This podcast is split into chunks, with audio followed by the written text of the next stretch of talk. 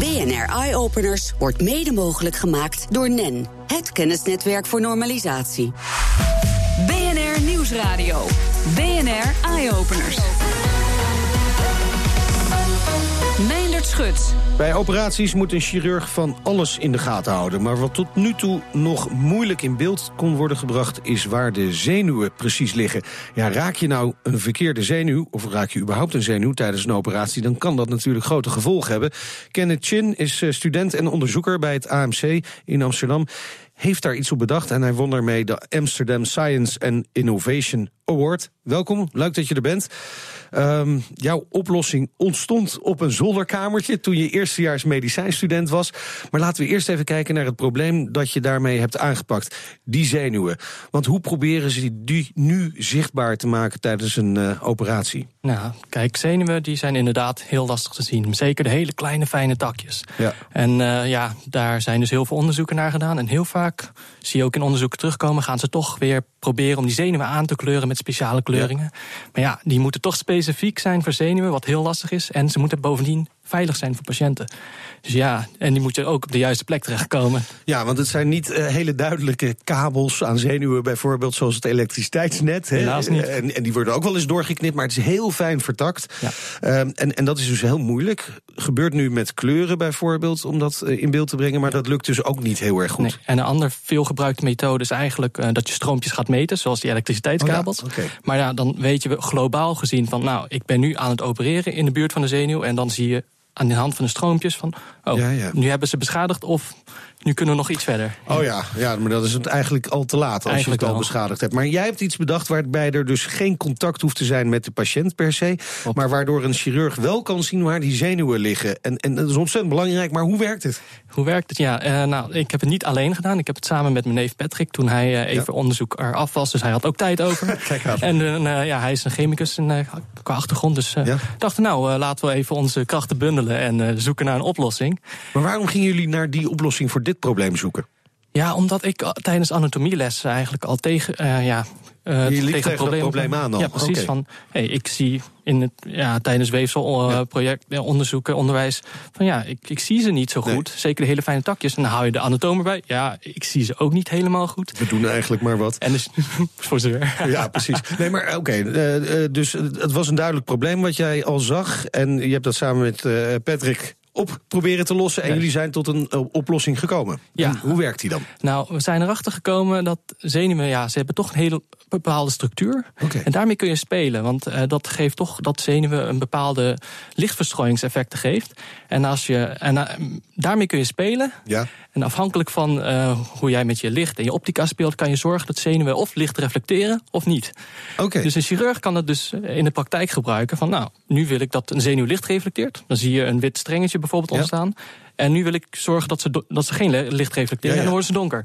Terwijl de rest van het weefsel eigenlijk nagenoeg gelijk dat blijft. reageert anders op dat licht dan de zenuwen. Juist. Oké, okay, en die ontdekking, ja, daar, daar kun je natuurlijk wel mee. Maar hoe heb je ontdekt dat het ook werkt? Want je moet dat natuurlijk, zeker in de medische sector, moet je dat echt goed valideren. Juist, ja. Nou, uh, zoals je in het begin zei, van, ja, het begon op een zolderkamertje. Ja. Dus we hadden niet zoveel ja, capaciteiten. Dus ja, dachten, om nou, elkaars schedel open te zagen, dat is ook weer zo'n ding. Ja, een beetje lastig. Hè? Ja. Dus, uh, dus we dachten, nou, laten we naar de slager gaan. Halen wat kippenbouten. Uh, laten we daarop gaan proberen.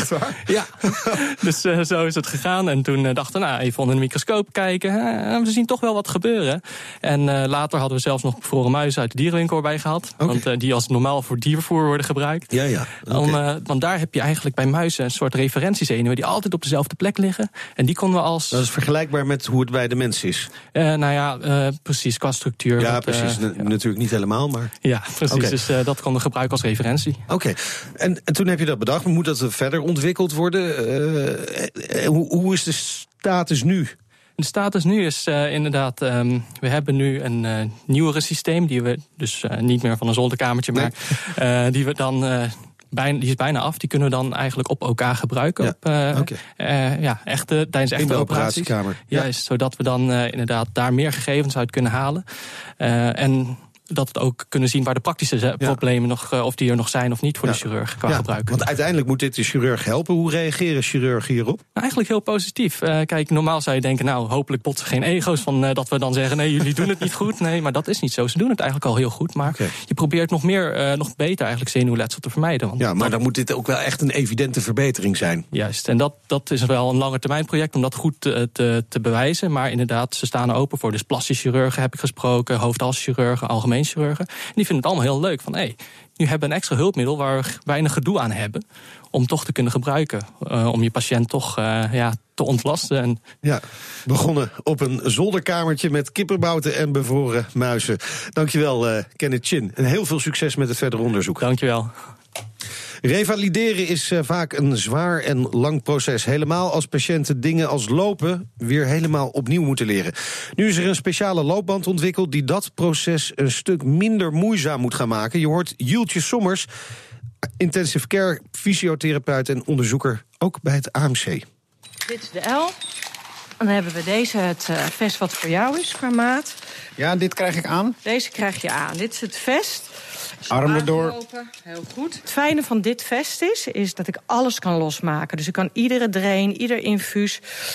Ieder slangetje, daar kan ik gewoon heel voorzichtig omheen, zeg maar, zodat alles toch uh, goed past. Dus hoe bedlegerig de patiënt ook is, hij kan toch in dit tuigje. Ja, het is echt uh, beter zelfs dan mensen in de stoel hijsen. Uh, we hebben een vrouw gehad met uh, zeven drains. En die konden we heel veilig met dit vest om perfect, zonder dat ook maar iets sneuvelde aan de beademing hebben we laten lopen. Dus en normaal had zij helemaal geen kans gemaakt om op een loopband terecht te komen vanwege al die bedradingen en snoeren? Ja, vanwege alle bedradingen en snoeren en vanwege haar extreme ja, spierkrachtverlies. Uh, deze mevrouw had gewoon uh, continu op bed gelegen. En nu kan ze toch lopen. En ik speel dan deze mevrouw maar even. Ik maak uh, nog even je beensteunen. Ja, de beensteunen ja. ook erbij. je moet het zo zien voor de radio. Ik hang in een soort parachute-tuigje inderdaad. En uh, dit is voor mensen die eigenlijk uh, nul spierkracht hebben. En toch gaan jullie ze laten lopen. Ja, deze, uh, deze uitvinding, dat je echt met gewichtloosheid kan werken. Um, zo dicht bij het IC-bed, want we kunnen die loopband aan het bed uh, brengen. Die zorgt ervoor dat mensen die normaal gesproken nog niet op hun eigen benen zouden kunnen staan. Eens over nadenken. Nee, en. Uh, jullie zetten ze al in beweging. En wij zetten ze in beweging. Nou, zet mij maar in beweging. Ja. Gaan we doen? Ik, ja. Ja, en je moet je voorstellen dat het ik nog... wordt opgetrokken. Nee, wacht even, nu gaan we beginnen. Ja, ik word opgetrokken, ja. Oké, okay, ja, ja, ja. gaat het goed? Ben je duizelig? Weet je, dat zou ik vragen als je een IC Nou, nu, nu bungel ik dus in dat uh, tuigje. Ja, heel mooi. Ja, ik voel en inderdaad... Je mag hier je handen plaatsen, zou Ja, één hand. Hè, dat je hebt nu natuurlijk één hand. En nu en dan hang ik boven de loopband. Ja, en dan gaan we dus kan ik mijn voeten intrekken? Zou ik dat kunnen? Ja, kan je doen. Als, als Robert oh, ja, ja, ja, ja, ja. Je kan dat. Het is gewoon echt een, uh, ja. een veiligheidsvest. Ik sta. Nu moet ik gaan lopen, toch? Ja, dan gaan we langzaam lopen. Dan zeg ik, kom, uh, ik zet de loopband aan. Ja, doe maar. Ja, daar gaat hij. Dat is, gaat mij natuurlijk heel makkelijk af. Maar dan hang je dus in. Je bent helemaal uitgeschakeld geweest. En eindelijk beweeg je. Eigenlijk... Zonder eigenlijk je kracht te gebruiken. En dat is dus hartstikke goed. Wat doet dat met, met die patiënten? Ja, wat we zien is uh, extreem grote glimlach, smile op hun gezicht. Uh, als ik die allemaal had gefotografeerd de eerste keer... dan denk ik dat ik een, uh, een mooie prijs zou winnen, denk ik, qua fotoreportages. Tranen van geluk vloeien de eerste keer op de loopband. En, um, en ook gewoon extreem zweten. Ze zijn knetterhard aan het trainen, echt op sport. Ze lopen zichzelf letterlijk sneller het ziekenhuis uit. Zeker weten, ja, anders zouden we niet zo enthousiast zijn. Hoeveel meters heb ik al gelopen? 20, dat is nu... Uh... 20 meter? Ja. ja, je moet je voorstellen... Ik denk, dat stelt niks voor, maar dat, dat, ja. dat is natuurlijk een wereldprestatie... Een voor als je, wereldprestatie, een wereldprestatie. Als je IC-patiënt was. Ja, je moet je voorstellen, de eerste keren zijn het echt vier tot tien stapjes... en soms misschien 50 stappen. Dan nou, weer terug het bed in? En dan weer terug het bed in. Maar en dan uh, gelukkig? Tevreden en vermoeid. En dan vermoeid omdat je echt topsport hebt gedaan. Een reportage van Harmen van der Veen vanuit de fabriekshal van Motec Force in Culemborg. Het bedrijf dat de loopband heeft gebouwd. Een filmpje van de loopband vind je op bnr.nl slash eyeopeners. En straks lekker thuis je favoriete biertje brouwen. En hoe houden we al het plastic nou gewoon uit die oceaan? BNR Nieuwsradio. BNR Eyeopeners. Inmiddels heeft iedereen hier in de studio een glas bier voor de neus staan, maar daar gaan we het straks over hebben. We gaan het eerst over plastic in de oceaan hebben. er duiken wereldwijd allerlei initiatieven op om dat plastic eruit te halen. Dat is een goede zaak, vindt natuurlijk ook Willemijn Peters van Serious Business. Maar volgens haar uh, is het nog belangrijker om te kijken hoe we dat plastic überhaupt uit die oceaan houden. Dat het er echt niet in komt. Welkom Willemijn in de uitzending. Dankjewel. Ja, ik zei het al, hè, er wordt van alles gedaan om drijvend plastic uit het water te scheppen. Maar dat is lang niet genoeg om het probleem ook echt op te lossen, hè, zeg jij. Wat, wat moet er nog meer gebeuren? Nee, dat klopt. Ja, elke minuut komt er 20.000 kilo plastic in de oceaan terecht. Elke minuut. Dat is veel. Dus, ja, dus als je dan gaat hebben over opruimen en schoonmaken...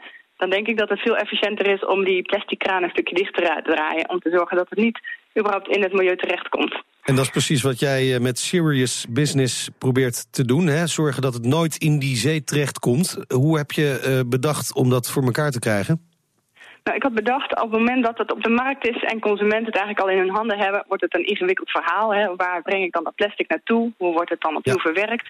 En ik dacht, nou, veel slimmer om uh, want het feit dat het plastic in het milieu terecht is, laat al zien dat het op een of andere manier wordt verspild. Ja, want even, hè, voor veel mensen tegenwoordig is het zo dat plastic wel uh, apart verzameld wordt in weer grote plastic zakken. En die worden dan apart afgeleverd. Maar dat betekent dus nog niet dat het eh, uiteindelijk niet in die zee terecht komt? Nee, nee ja, goed, in Nederland over het algemeen zal het niet zo heel snel in de zee terechtkomen. Okay. Hoewel het ook daar, hè, via, via slootjes en alles, toch nog best wel wat in de oceaan terechtkomt. Uh, maar als je het hebt over gereguleerde stromen, dan zou je denken dat daar toch nog op een of andere manier iets slims mee gedaan wordt. Maar nou ja. blijkt dus dat maar 9% van alle plastic wordt gerecycled. Wereldwijd. Wereldwijd. Ja. En, en dan denk ik ook echt, ja, maar volgens mij kunnen we als je eerder kijkt in de keten, veel slimmer bedenken hoe ga ik, als ik dan plastic gebruik, hoe kan ik minder plastic gebruiken, hoe kan ik het meer hergebruiken en hoe kan ik uiteindelijk zorgen dat het in een, in een gesloten kringloop blijft. Dus dat het eigenlijk een soort van gevangen wordt waardoor het niet in het milieu terechtkomt. Ja, een circulair dat, systeem dat begint, dus eigenlijk. Ja, dat, ja, dat begint eigenlijk gewoon bij producent. Dus uh, op het moment dat het, uh, de vraag daarnaar is naar plastic... nou, denk, denk, dan heel goed na over hoe je het gaat gebruiken... en hoe je zorgt dat je het weer terugkrijgt... en een soort van oneindig kunt gebruiken. Nou, en dan heb je volgens mij ja. de, de, sleutel te pakken. Dan heb je de sleutel te pakken, maar dan moet je wel die sleutel even vinden. Hè? Ja. Want je kunt het leuk bedenken dat het zo zou moeten... en daar zullen we het allemaal wel mee eens zijn... maar uh, hoe ga je ervoor zorgen dat het ook daadwerkelijk zo gaat plaatsvinden? Nou, precies. Nou, dat dacht ik ook. Want ik hoor uh, heel veel mensen praten over circulaire economie, zodat, zoals het dan met een mooi woord heet. Ja. En nou ja, uh, het praten alleen al, dat gaat natuurlijk niks doen. Het is feit dat, dat mensen dat inzien dat het belangrijk is, ja, dat is één. En ik dacht, ik wil niet zo'n zoveelste zijn die dat zegt. Um, dus ik heb onder andere met een aantal meubelfabrikanten heb ik afgesproken... van laten we hier ook echt werk van maken. En dat heeft geresulteerd in een design sofa, dus echt zo'n bank voor in de woonkamer, voor binnen, gewoon in van je huiskamer. Maar dan van 100% gerecycled plastic. Zit dat dus, wel uh, lekker? Ja, het zit heerlijk. Want okay. mensen denken niet... Plastic zijn ook heel veel, heel veel soorten. Het is niet zo'n zweterig iets. Polyester is ook een, een, een, een poly en dus een plastic. En uh, dit is gewoon eigenlijk gewoon zo'n stoffenbank zoals je in de kamer okay. staan. Maar dan van, van reststoffen van, van, van de polyesterbank. En het frame is helemaal van, uh, van gerecycled polyester, van, van recycled plastic. Dat hebben we samen gedaan met de TU Delft. We hebben met productontwerpers uh, echt hele slimme trucjes erin bedacht... waardoor die uh, 3D-print kon worden. En, waardoor het veel sneller in elkaar gezet kon worden. Dus zo kun je en aan oplossingen werken die voor het milieu werken... maar uiteindelijk ook nog financieel veel meer opbrengen. En uh, nou, ik heb net gehoord dat uh, de partijen waar we mee samenwerken... onlangs echt een hele grote orde binnen hebben gehaald. Juist, die, juist omdat ze uh, slimmer bezig zijn met plastic. Dus dan, dan, dan, loont het helemaal. Hè? Dan loont het. Dankjewel Willemijn Peters van Serious Business... om ervoor te zorgen dat producenten en recyclaars van plastic bij elkaar komen... en nieuwe producten kunnen maken, zodat het niet in de oceaan terechtkomt. Het is zomer, hè? het wordt lekker warm. En bij een uh, mooie zomer hoort natuurlijk ook een lekker verfrissend biertje. Wat is er nou lekkerder dan thuiskomen vanuit je werk... in de tuin gaan zitten en even zo'n biertje lekker drinken. Ja, voor het echte, echte goede bierwerk... moet je nu meestal toch gewoon nog even terras op naar een goed café. Maar met de mini brew kun je straks thuis ook gewoon... je favoriete speciale biertje gaan brouwen. En je hoeft er eigenlijk bijna niets voor te doen. Sensoren houden alles voor je in de gaten. En er is al een biertje ingeschonken. Edwin Blom van de Mini Brew, welkom. Wat uh, heb ik hier in mijn handen?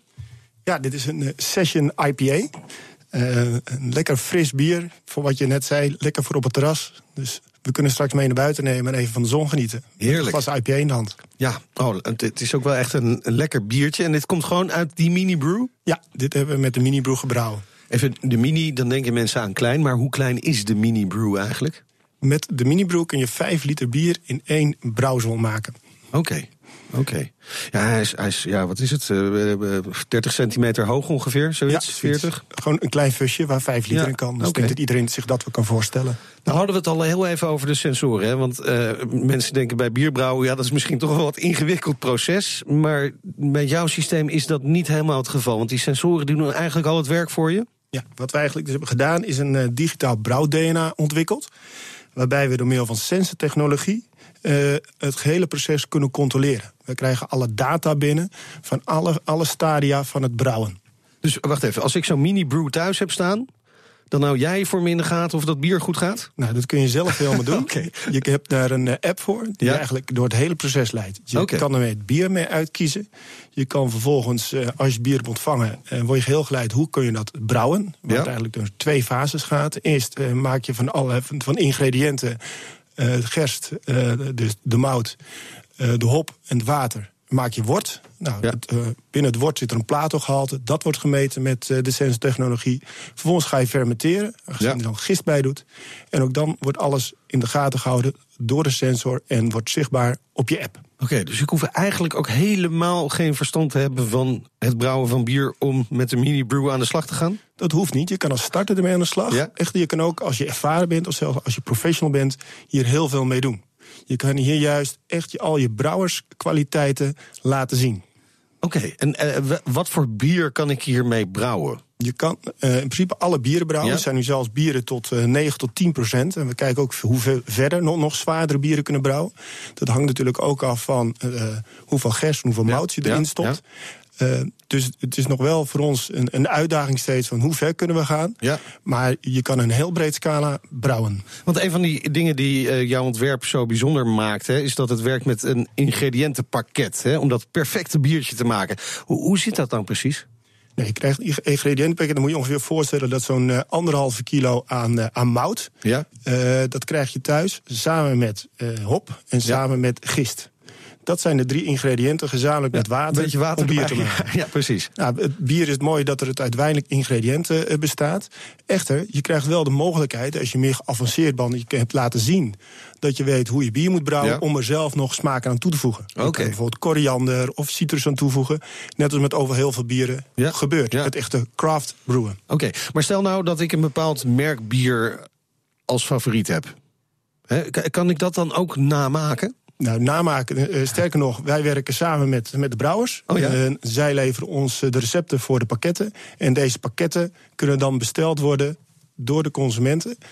Het is wel afhankelijk natuurlijk van welke brouwerij met ons meedoen. Maar Ja? een heel groot aantal brouwers zijn erg enthousiast.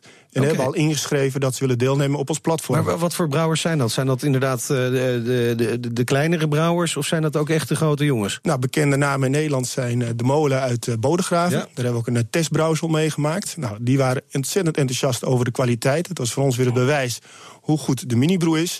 Maar ook bijvoorbeeld Jopenbier uit Haarlem. Ja, waarmee wij op bekend. 11 juli ook een, eh, een testsessie gaan doen. En ook dan ook eh, eh, Michel Orderman proberen te overtuigen van de kwaliteit. En welke heb je nu voor ons vers getapt? Nou, dit is de Session IPA. Dit is ook gemaakt in het kader van een, van een wedstrijd die we hadden gewonnen bij, eh, met Minibrew in Las Vegas. Dat we samen met Richard Branson op Necker Island eh, een brouwsel konden maken. En speciaal daarvoor is deze ontwikkeld. Kijk, de Mini Brew. Hartstikke mooi. Dankjewel Edwin Blo- Blom van Mini Brew. En wij eh, drinken er nog eentje op. Proost heren. BNR Nieuwsradio. Meindert Schut. Stel je voor, geen zweetvlekken meer, wijn- en koffievlekken die je direct kunt afspoelen. Die belofte doet LabFresh, een overhemd dat resistent is tegen dit soort vlekken. En Lotte Vink, je bent medeoprichter van LabFresh en uitvinder van dit bijzondere overhemd eigenlijk. Welkom in de studio. Dankjewel. Ja, als je dat zo makkelijk kunt afspoelen... dan klinkt het toch een beetje als een plastic overhemd dat je moet aantrekken. Klinkt niet heel comfortabel. Klopt, dat hebben we vaker gehoord. Um, ja, je mag het even voelen. Dat kunnen de mensen natuurlijk thuis niet. Het is uh, echt katoen. Ja, ik moet gewoon toegeven dat het voelt als een gewoon, overhemd. Ja. Het ademt ook. Um, dus het voelt en niet gewoon... eens gewoon echt een verkeerd overhemd, inderdaad. Nee, het is echt mooi katoen. Het is uh, dubbelzijdig uh, gesponnen zelfs. Dus je voelt het in geen enkele manier. Maar behalve als je wat wijn uh, op jezelf gooit... of zelfs als je toevallig eventjes bloed of wat dan ook... gewoon naar de kraan en je spoelt het er vanaf. Meen je niet? Dat meen ik. Ja, wil jij dat even zien? Ja, dat wil ik wel echt even zien. We gaan dit even bewijzen. Ik ga het ondertussen ook filmen. Dan ga ik dat straks wel op mijn Facebookpagina en okay. Twitter zetten. Jij hebt, uh, je hebt uh, koffie hier. Koffie en dat ga je mee? gewoon op dat witte overhemd gooien. Ga ik doen. Wacht even hoor. Ik ga even. Uh, ik moet zeg even de video erbij pakken. Ja. Jij bent er meer klaar voor dan ik. Daar gaan we. Not my first rodeo. De koffie. Op. Je ziet dat het er gewoon al. Het glijdt er gewoon, gewoon vanaf. vanaf. Heb ik nog wat water mee. En je spoelt het gewoon weg. Yes. En weg is het. Ja, ik, ja. ik ben er bijna een beetje sprakeloos van. Ik heb het natuurlijk voorbereid, maar het is ongelooflijk eigenlijk. Ja, hoe, hoe hebben jullie dat voor elkaar gekregen? Nou, de technologie is wat ook, ook heel fijn dat je het niet ziet. Het is echt op een microniveau op de vezels van de stof... voordat het gesponnen wordt echt eigenlijk in, in de stof. Het is echt op de vezels um, voordat het echt een stof is. Ja. Dus daarom voel je het ook niet. Maar wat en, gebruik je daarvoor dan? Ja, het zijn chemicalen, uh, maar niet per se gevaarlijker voor de, hè, voor de natuur dan de nee, chemicalen die al vaak worden okay, gebruikt. Okay. En ergens is dit overhemd ook echt wel duurzaam. Maar je krijgt er geen uitslag van dan nee, bijvoorbeeld. Ja, ik probeer nee. een beetje de downside van dit overhemd nee, te vinden. Maar nee, zijn er niet. Het enige downside voor ons is dat het behoorlijk duur is om te produceren. Okay. De stof is erg prijzig. Maar we, doen het, uh, we verkopen het direct aan de consument. Dus dat laten oh, we de consument zo min mogelijk voelen. Ja, oké. Okay, dus het wordt niet een extreem duur overhemd daardoor. Nee, we verkopen hem, uh, Willem later verkopen voor 119. En nu op Kickstarter is hij te koop voor 99. Dat valt nog wel mee. Dat denk ik dat ook, valt ja. nog wel mee. Ja, merken overhemden zijn uh, vrij prijzig. Uh, dus voor diezelfde prijs heb je ook een, inderdaad een merkoverhemd. Precies. Waar maar de vlekken niet uitgaan. Precies. En deze gaat langer mee en je hoeft hem minder vaak te wassen. Ja. Dus het maakt ook nog eens je leven Je kunt hem makkelijker. wel gewoon in de was gooien? Ja, absoluut. Ja. Inderdaad, na een paar dagen kan ik me voorstellen dat je hem eventjes wel wil wassen. En het is ook per persoon verschillend. Mijn co-founder heeft hem in totaal misschien wel iets van een maand aangehad. Zonder Serieus? Achter elkaar? Precies, ja. Op een gegeven moment krijg je dan al een beetje zo'n uh, ja, weet je, een laagje gewoon van de lucht op de. maar we hebben ook iemand gehad die weet je, gewoon heel erg zweet en na drie dagen wel echt hem wilde wassen. Ja. Dus dat is per pers persoon maar na drie dagen, ja, de, meeste mannen hebben dat na één dag, denk Precies, ik al, dat ze ja. hun overhemd willen wassen. Ja. En dat komt dan ook vaak, ja, een wit overhemd komt vaak een beetje grijs uit de was. Precies, ja. Deze heeft dat dan ook niet? Deze is ook maar hoe wel... vaak is deze al gewassen? Want, hoe, hoe, hoeveel heb je hier al overheen gegooid over dit nou, overhemd? Dit is ook het overhemd die je ziet op onze foto, die we veel gebruiken. Ja. Hè, daar de wijn overheen wordt gegooid. Dus deze heeft wel echt liters wijn al over zich heen gehad.